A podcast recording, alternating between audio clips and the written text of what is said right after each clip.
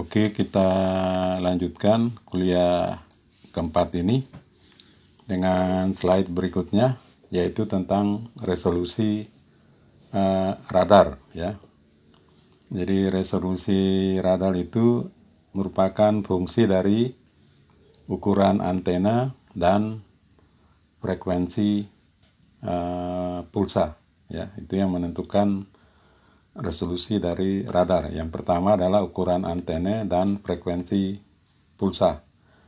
Ukuran antena kita lihat uh, sangat menentukan ya karena nanti kita lihat di real aperture radar itu resolusi radar ditentukan oleh ukuran panjang antenanya gitu loh ya eh, makin panjang antenanya maka makin baik resolusinya, resolusi spasialnya. Makin pendek antenanya, maka resolusi spasialnya juga makin uh, kecil, ya.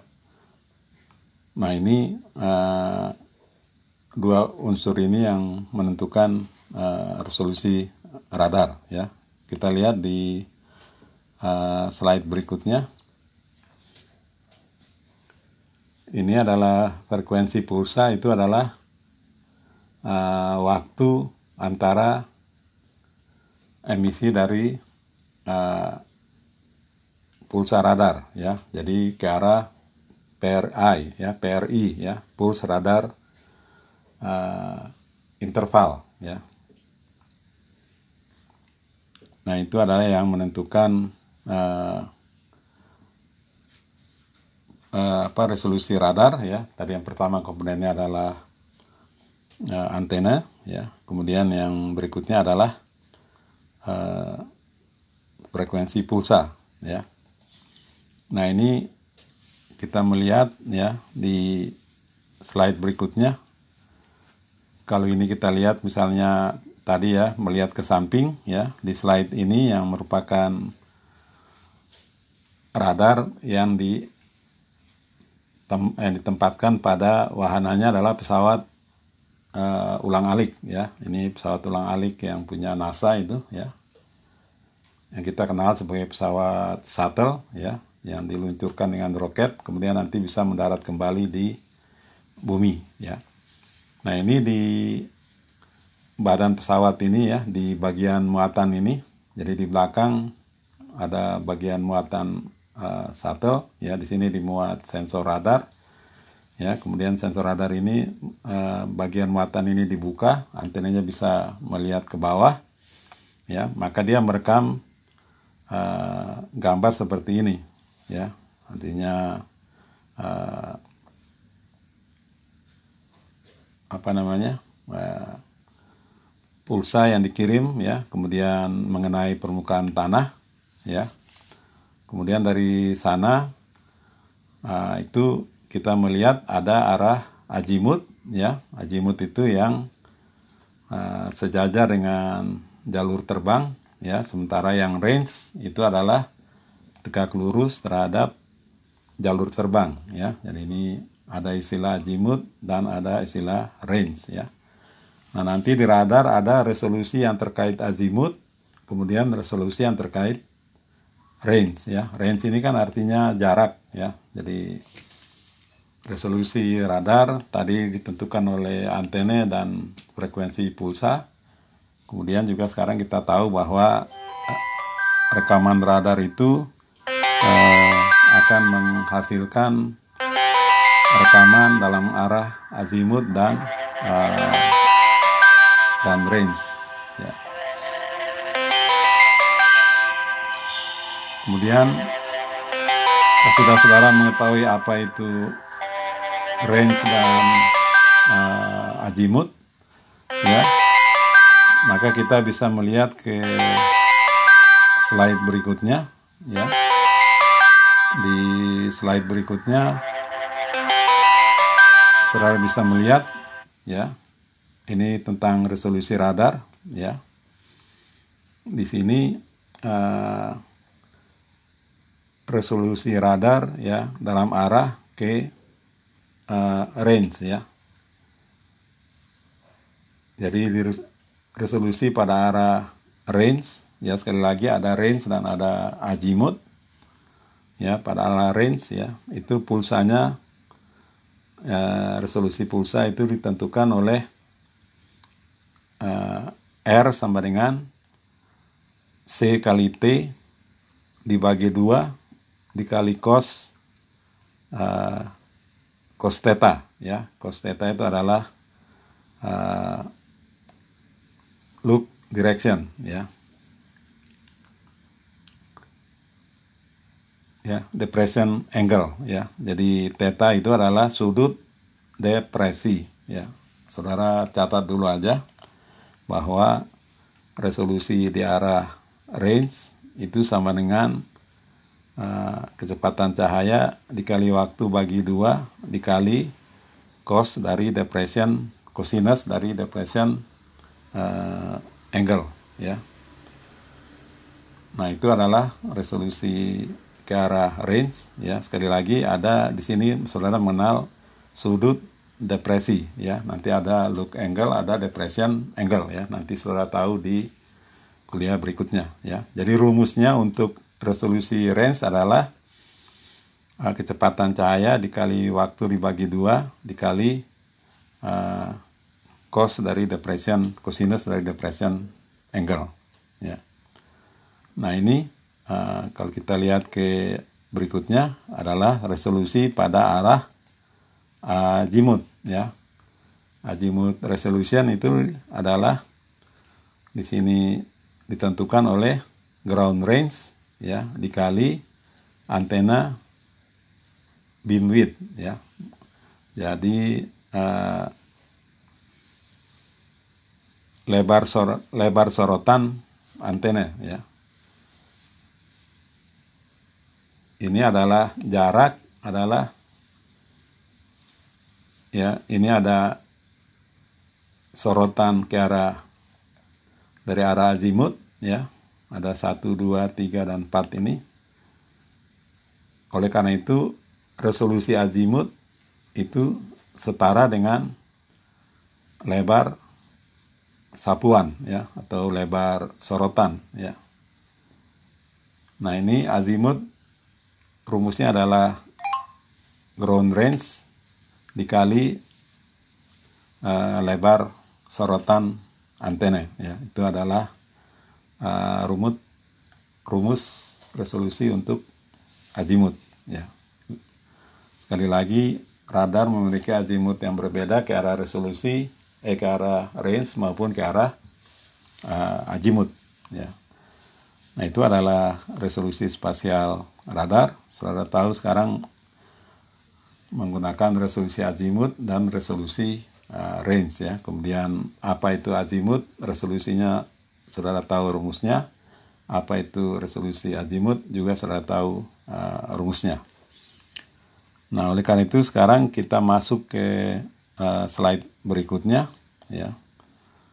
Uh, kita belajar tentang apa perbedaan antara side looking airborne radar dengan synthetic aperture uh, radar ya kita belajar lebih detail kita lihat ke slide berikutnya nah ini ada RAR ya RAR itu adalah real aperture radar ya jadi uh, dibedakan antara real aperture radar dengan synthetic aperture uh, radar jadi kalau yang real itu berdasarkan ukuran nyata dari panjang antena, sedangkan sintetik aperture itu uh, tidak bergantung pada uh, ukuran sebenarnya dari panjang antena. Ya. Nah, side looking airborne radar, ya, side looking airborne radar itu bisa real aperture atau bisa sintetik aperture, ya. Jadi uh, side looking airborne radar bisa real aperture, bisa synthetic aperture radar. Nah, tadi saya sudah menunjukkan tentang shuttle imaging radar ya yang saudara akhirnya mengenal istilah resolusi azimut dan resolusi range ya. Itu adalah sebuah synthetic aperture radar ya. Sekali lagi untuk shuttle imaging radar dia bukan real aperture tapi synthetic aperture uh, radar ya. Jadi Satellite Imaging Radar itu tiga kali misi. Yang pertama SIR E tahun 81, kemudian SIR B tahun 84, kemudian SIR C tahun 1994. Ya, saya terangkan di sini karena ini nanti berkaitan dengan uh, interferometri ya. Jadi operasi di tiga misi SAR Satellite Imaging Radar ini tahun 81, 84, dan 994 itu semuanya terkait dengan misi aplikasi radar untuk keperluan interferometri ya makanya diterangkan gitu. Jadi INSAR itu adalah interferometric SAR ya dapat digunakan di satelit atau di pesawat terbang ya bisa di satelit contohnya ini adalah satellite imaging radar atau bisa di pesawat terbang. Nah saudara juga nanti sekarang sudah mengenal apa yang disebut satellite radar topographic mission ya atau uh, insert mapping uh, mission ya. Jadi hasil dari penerbangan tiga kali penerbangan satelit imaging radar ini itu adalah satelit radar topografi mission ya. DM yang disebut DM SRTM ya. Jadi kalau ada saudara mendengar istilah SRTM ya saudara tahu bahwa itu adalah dari uh, insar yang dilakukan di pesawat shuttle ya. Makanya disebut shuttle radar topografi uh, uh, mission ya. Sekali lagi pada uh, shuttle imaging radar tidak digunakan real aperture tapi sudah menggunakan synthetic aperture radar ya. Kenapa dia menggunakan synthetic aperture radar? Karena kalau dia menggunakan real aperture radar maka akan memerlukan antena yang sangat panjang ya. Oleh karena itu uh, digunakan teknik yang namanya sintetik aperture radar ya. Nanti di kuliah selanjutnya saudara bisa belajar membedakan antara uh, sintetik aperture radar dengan real aperture uh, radar. Oke, kita ke slide berikutnya. Itu apa ya? Itu real aperture.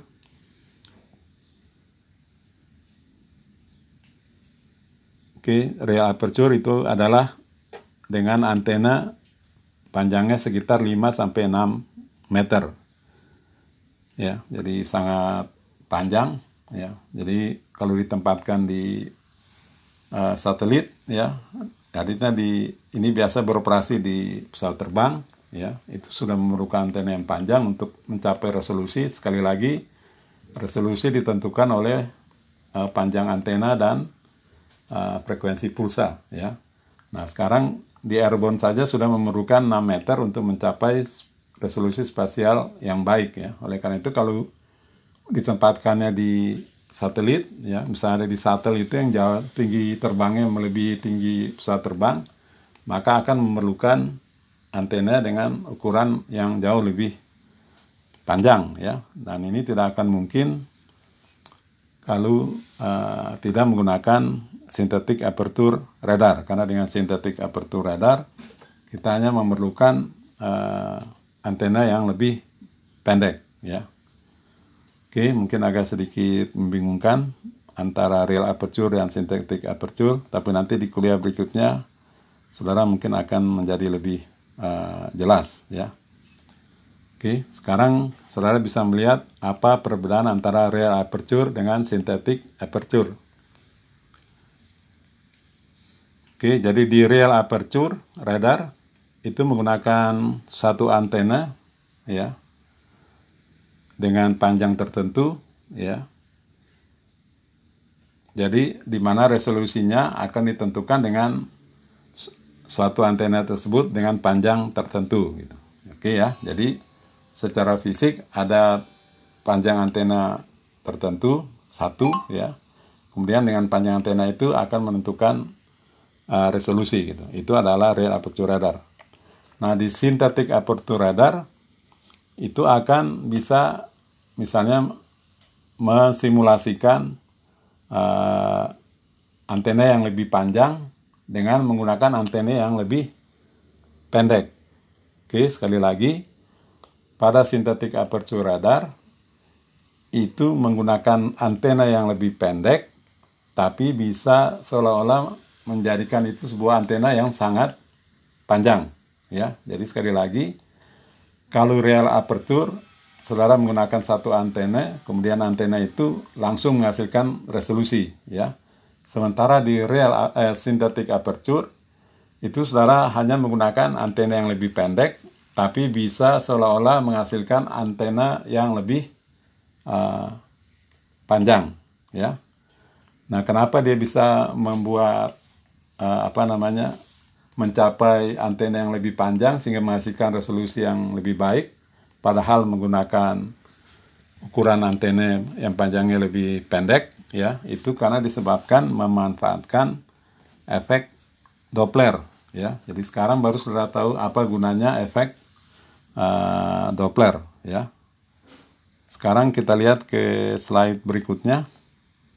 Ya di slide ini saudara bisa melihat uh, efek Doppler ya tadi saya sudah nerangkan kalau saudara berdiri di stasiun Gambir kemudian ada kereta yang mengarah ke arah saudara, kemudian nanti eh, menjauh ya kereta barang itu, maka saudara akan mendengar uh, uh, frekuensi seperti ini ya. Jadi ini yang dari kiri mengarah ke arah saudara, kemudian ke kanan semakin menjauh ya. Ya dari kiri ya itu saudara mendengar dengan gelombang yang lebih panjang ya. Jadi dari kiri waktu dia mendekat itu dari uh, gelombang memanjang yang lebih panjang, kemudian ke arah saudara, kemudian nanti melewat ke arah saudara semakin menjauh dengan gelombang yang lebih uh, pendek.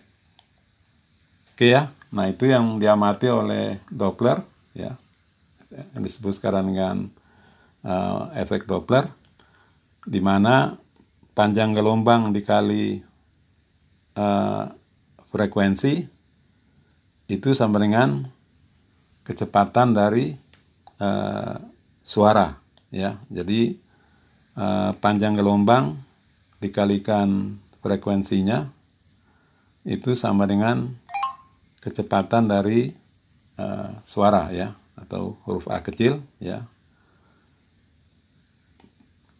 pada gelombang yang pendek itu sekali lagi ya, ini kan hanya kebalikannya, gelombang pendek frekuensinya tinggi, gelombang panjang frekuensinya rendah ya. Jadi ini yang di kiri waktu mendekat dia gelombang panjang, waktu menjauh dia gelombang uh, pendek ya.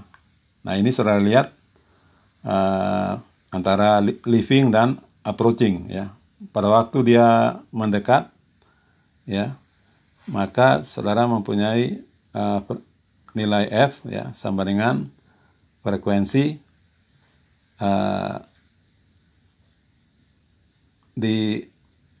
dikalikan uh, kecepatan suara ya dibagi kecepatan suara dikurangi uh, huruf besar U ya itu konstantanya kemudian nilai uh, efek Dopplernya F itu lebih besar dari uh, frekuensi ya. Itu kalau dia mendekat ya. Nah kemudian kalau dia menjauh ya maka F itu sama dengan F dibagi dikali A dibagi A plus U ya jadi tadi minus kalau dia mendekat, yang ini dia bertambah, ya. Maka uh, di sini saudara bisa melihat pada dia menjauh, maka F ini, ya efek Doppler ini akan lebih kecil dari uh, satu, ya. Dia lebih kecil dari satu karena apa? Karena uh, yang di bagian bawah dari rumus ini adalah ditambahkan ya sementara kalau yang di uh, mendekat bagian bawah dari rumus itu di dikurangkan ya maka arahnya akan semakin membesar uh, terhadap frekuensi sedangkan yang menjauh itu adalah lebih kecil dari uh, frekuensi gitu. Jadi ini adalah efek Doppler yang dinyatakan dalam uh, domain frekuensi ya. Nanti ada efek Doppler yang dinyatakan dalam uh, domain waktu ya. Nah, nanti lebih kompleks lagi, saudara mungkin nanti akan lebih uh, bingung ya. Tapi sekarang untuk keperluan saudara belajar, saudara mempelajari efek Doppler dari segi pendekatan frekuensi ya. Tapi saudara ingat ada efek Doppler dari segi pendekatan uh, uh, waktu ya. Jadi ada aplikasi dari waktu, ada aplikasi dari frekuensi. Nah, untuk memudahkan saudara belajar, kita sekarang membatasi efek Doppler dari pendekatan frekuensi ya. Dari menjauh dia uh, makin mengecil frekuensinya.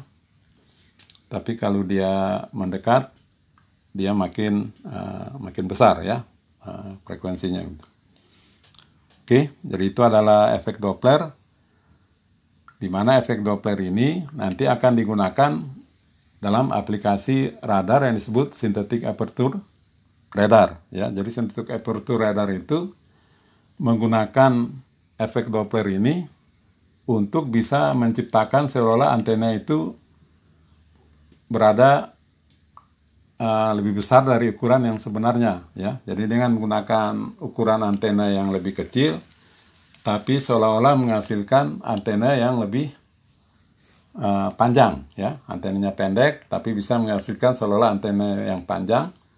Itu dengan menggunakan efek uh, Doppler ya. Kalau saya terangkan mungkin saudara bingung kita lihat ke slide berikutnya.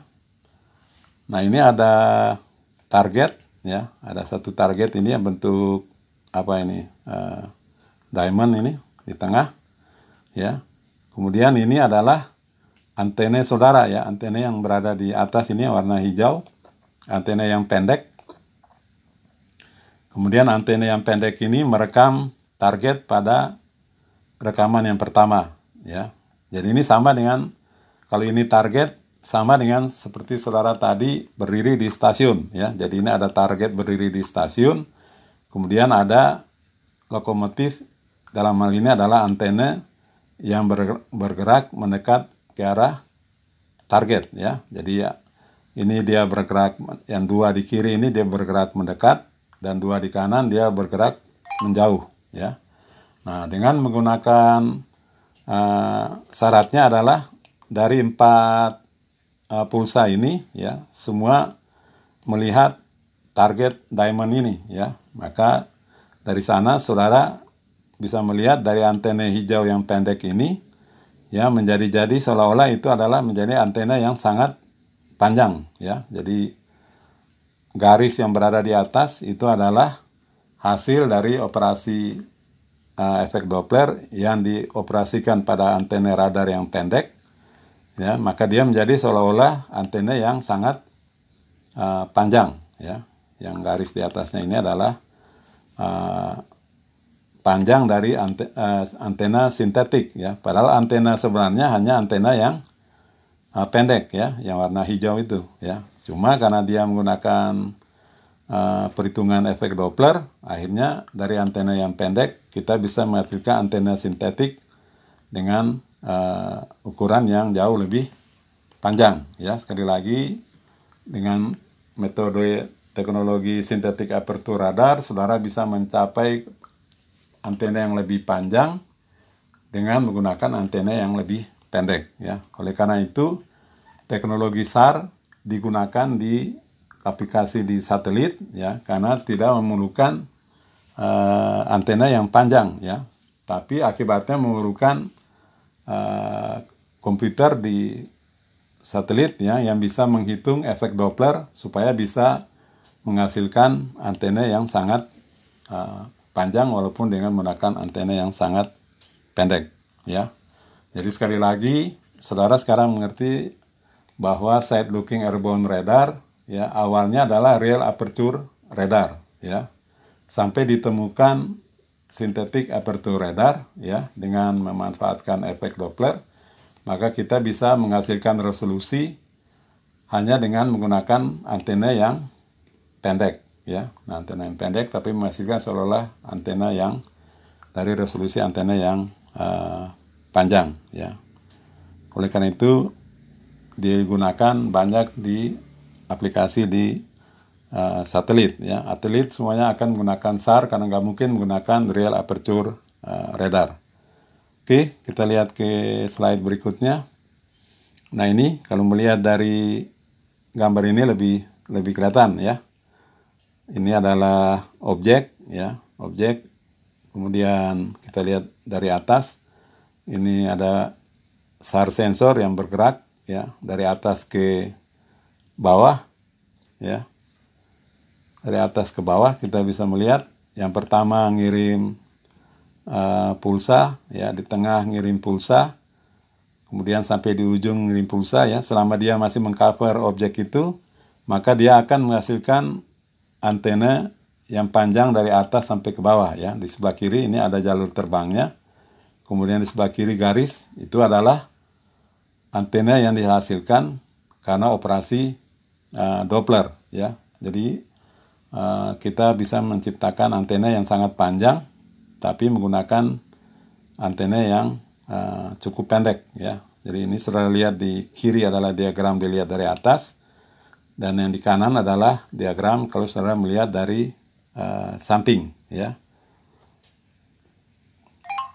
Nah ini resolusi antena untuk azimut itu sama dengan panjang panjang antena dibagi uh, dibagi dua. Ya. Jadi betul-betul apa namanya uh, sangat bermanfaat ya. Jadi kalau misalnya sintetik aperture itu adalah panjang antena sebenarnya 100 meter ya, padahal saudara yang menggunakan antena yang sebenarnya hanya 5 meter, maka resolusi saudara itu bukannya uh, eh, 100 meter dibagi dua, tapi 5 meter dibagi dua, sama yang dua setengah meter ya. Padahal uh, saudara menggunakan antena pendek, kalau pakai real aperture maka uh, saudara hanya dua setengah meter itu ya tapi ini dia seolah-olah menggunakan 100 meter tapi dengan resolusi dua setengah uh, meter ya.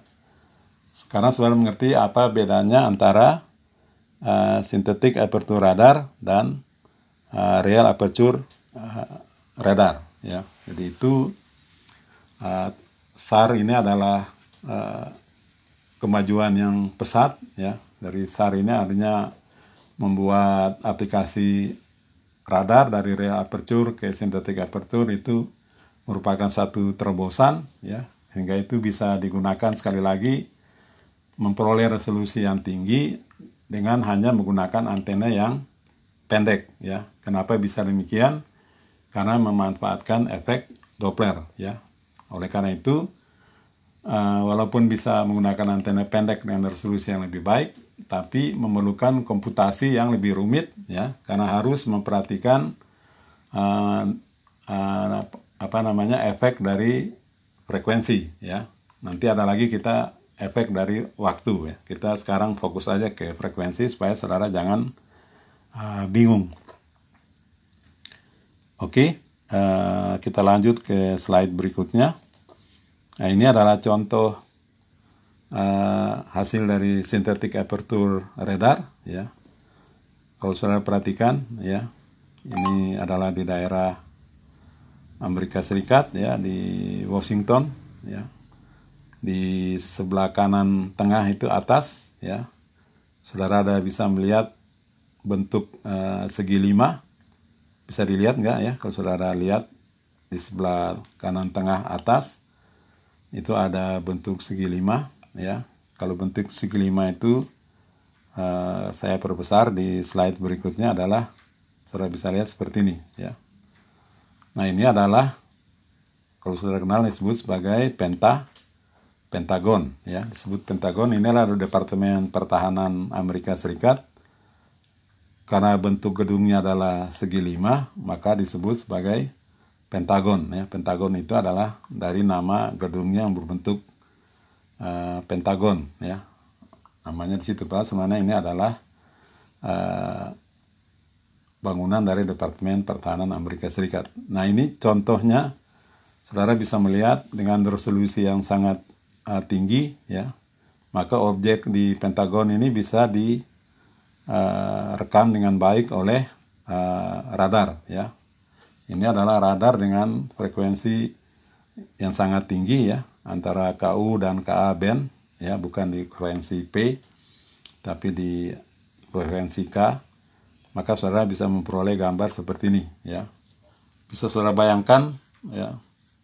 Saudara memperoleh gambar tanpa ada awan sedikit pun ya. Jadi kalau saudara lihat ke slide sebelumnya dalam area yang luas itu ya sama sekali tidak ada awan ya. Padahal sebenarnya uh, daerah ini sebenarnya pasti ada awannya ya. Tapi karena menggunakan radar maka radar menembus awan awannya tidak kelihatan tapi akan kelihatan daerah yang sangat bersih ya contohnya kita melihat tadi ke uh, di zoom ke Pentagon ya maka di Pentagon terlihat dengan jelas ya. Jadi keuntungan radar yang menembus awan di sini saudara bisa melihat uh, contohnya ya.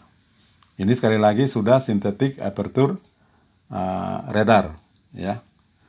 Kita lanjut ke slide berikutnya ya. Ini bisa melihat di sini adalah uh, airport ya, banda airport ya bisa direkam oleh radar juga dengan uh, jelas ya. Di mana saudara bisa melihat uh, gambar uh, radar di sini di mana bagian yang ada aspalnya lebih gelap ya. Sementara bagian yang ada rumputnya uh, gambarnya lebih lebih terang ya. Nanti saudara bisa belajar apa itu efek dari backscatter ya. Ini hanya contoh bagaimana melihat uh, bandara dengan menggunakan radar ya. Termasuk di sini saudara bisa melihat di kanan bawah ya ada pesawat terbang yang ada di uh, apron ya.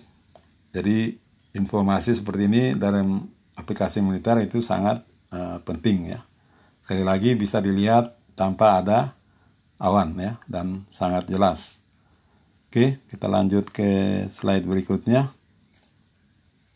Ini adalah gambar lain ya ya di arah apa namanya stadion ini ya. Mungkin untuk atletik atau pacuan kuda ya. Tapi ini bisa direkam dengan jelas uh, di gambar radar ya jadi gambar radar uh, bisa merekam objek natural alam ya rumput dan lain-lain tapi juga bisa merekam uh, objek uh, yang non alami ya seperti gedung dan sebagainya ya. Ini saudara bisa melihat ada gedung-gedung di stadion ini.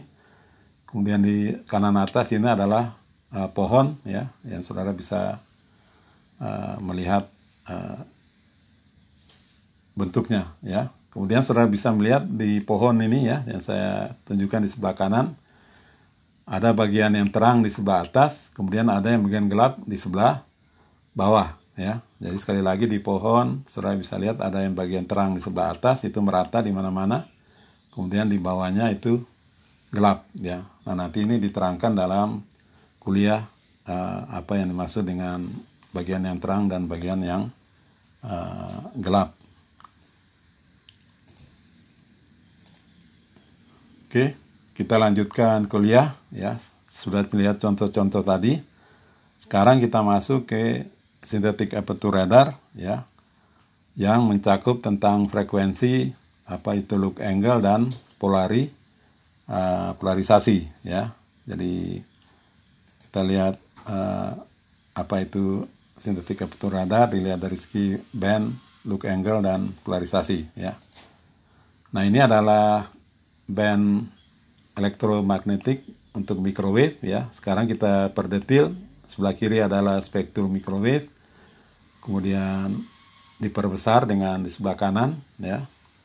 Itu untuk P band sampai ke uh, band KA ya. Band K band KU band K dan band KA ya. Jadi yang di sebelah kanan sekali itu adalah uh, gambaran yang lebih detail ya yang bisa saudara gunakan ya jadi sekarang seumur hidup saudara menggunakan uh, panjang gelombang dan frekuensi yang ini gitu ya.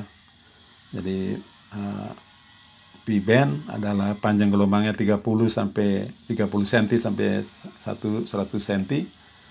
Kemudian frekuensi dari 0,3 GHz sampai 1 GHz ya.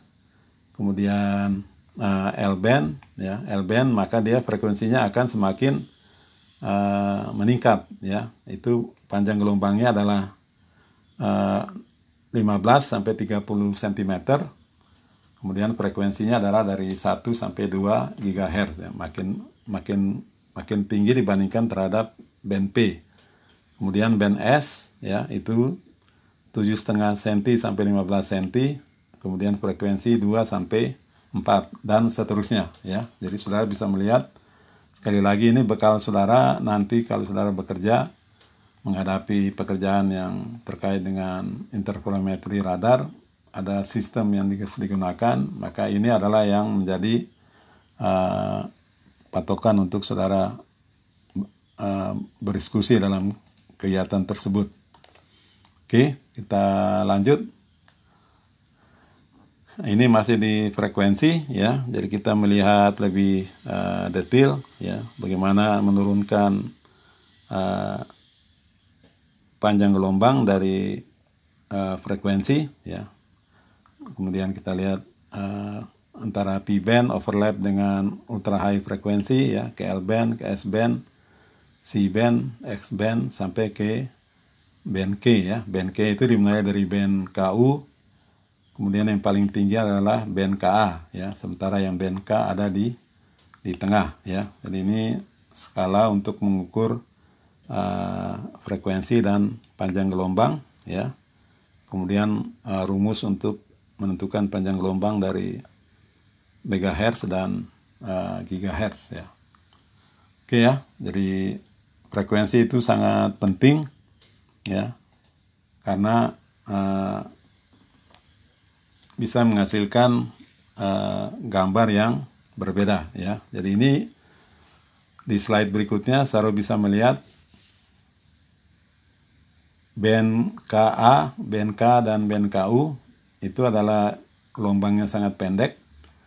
Itu digunakan pada uh, antena radar pada pesawat terbang ya. Pada awal-awal pengembangan radar sekarang semakin berkurang kemudian berikutnya X band juga dipakai di pesawat udara.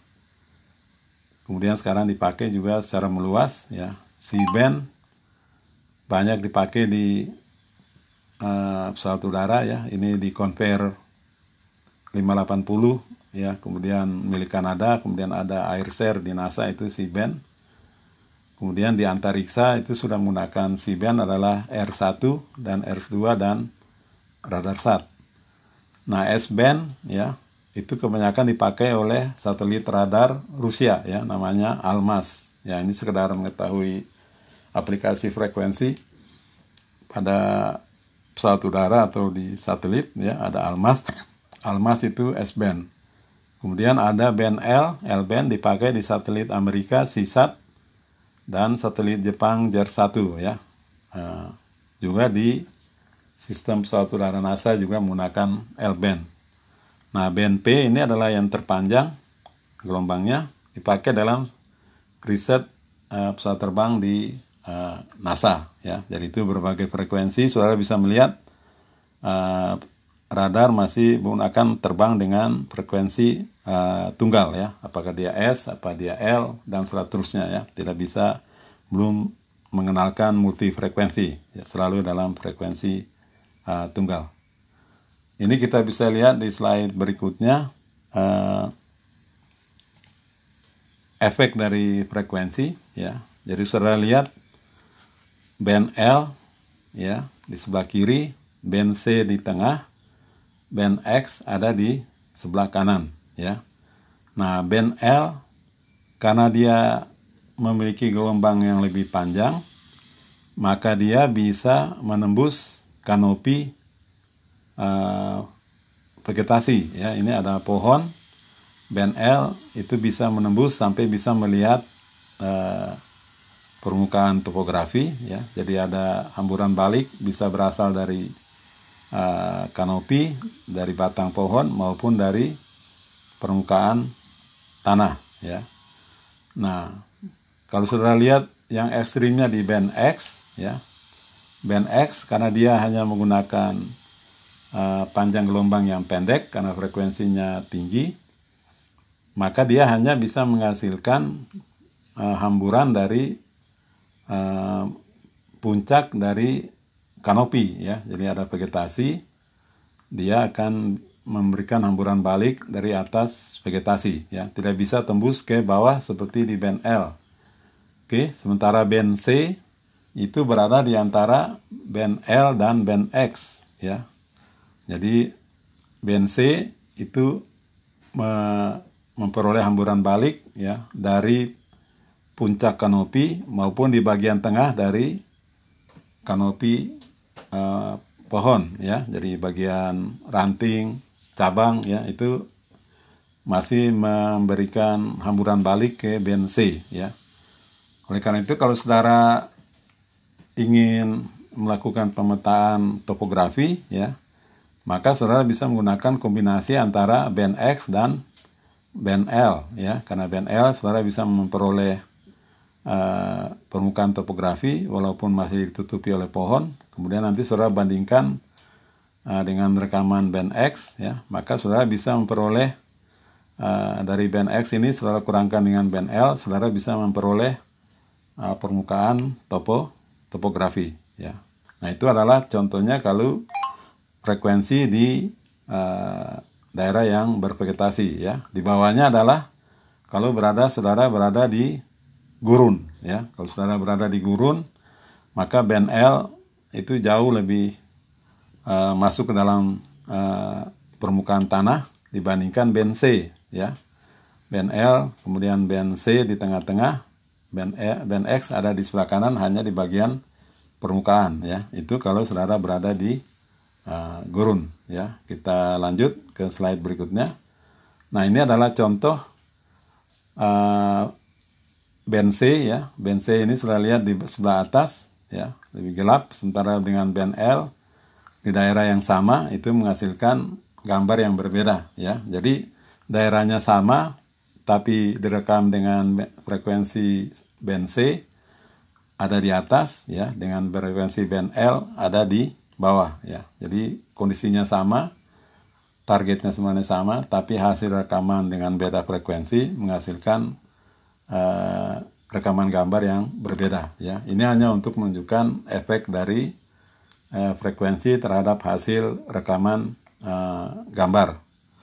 Oke, kita lanjut ke slide berikutnya. Nah, ini adalah contoh di daerah gurun ya.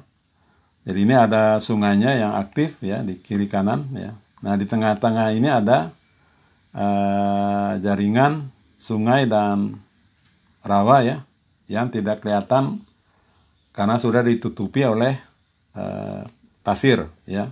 Tapi karena kita menggunakan radar, ya, jadi sekali lagi sebelah kiri ada sungai yang besar, sebelah kanan ada sungai yang kecil.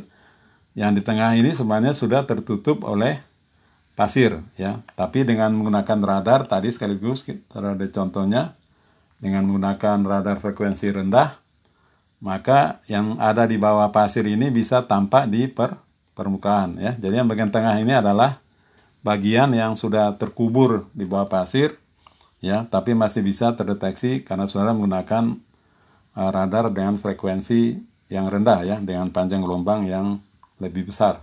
Oke itu contoh aplikasi di frekuensi untuk di radar. Kita lanjut ke slide berikutnya.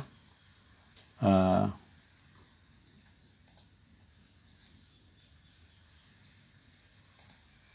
oke okay, uh, ini adalah slide terakhir untuk kuliah hari ini ya.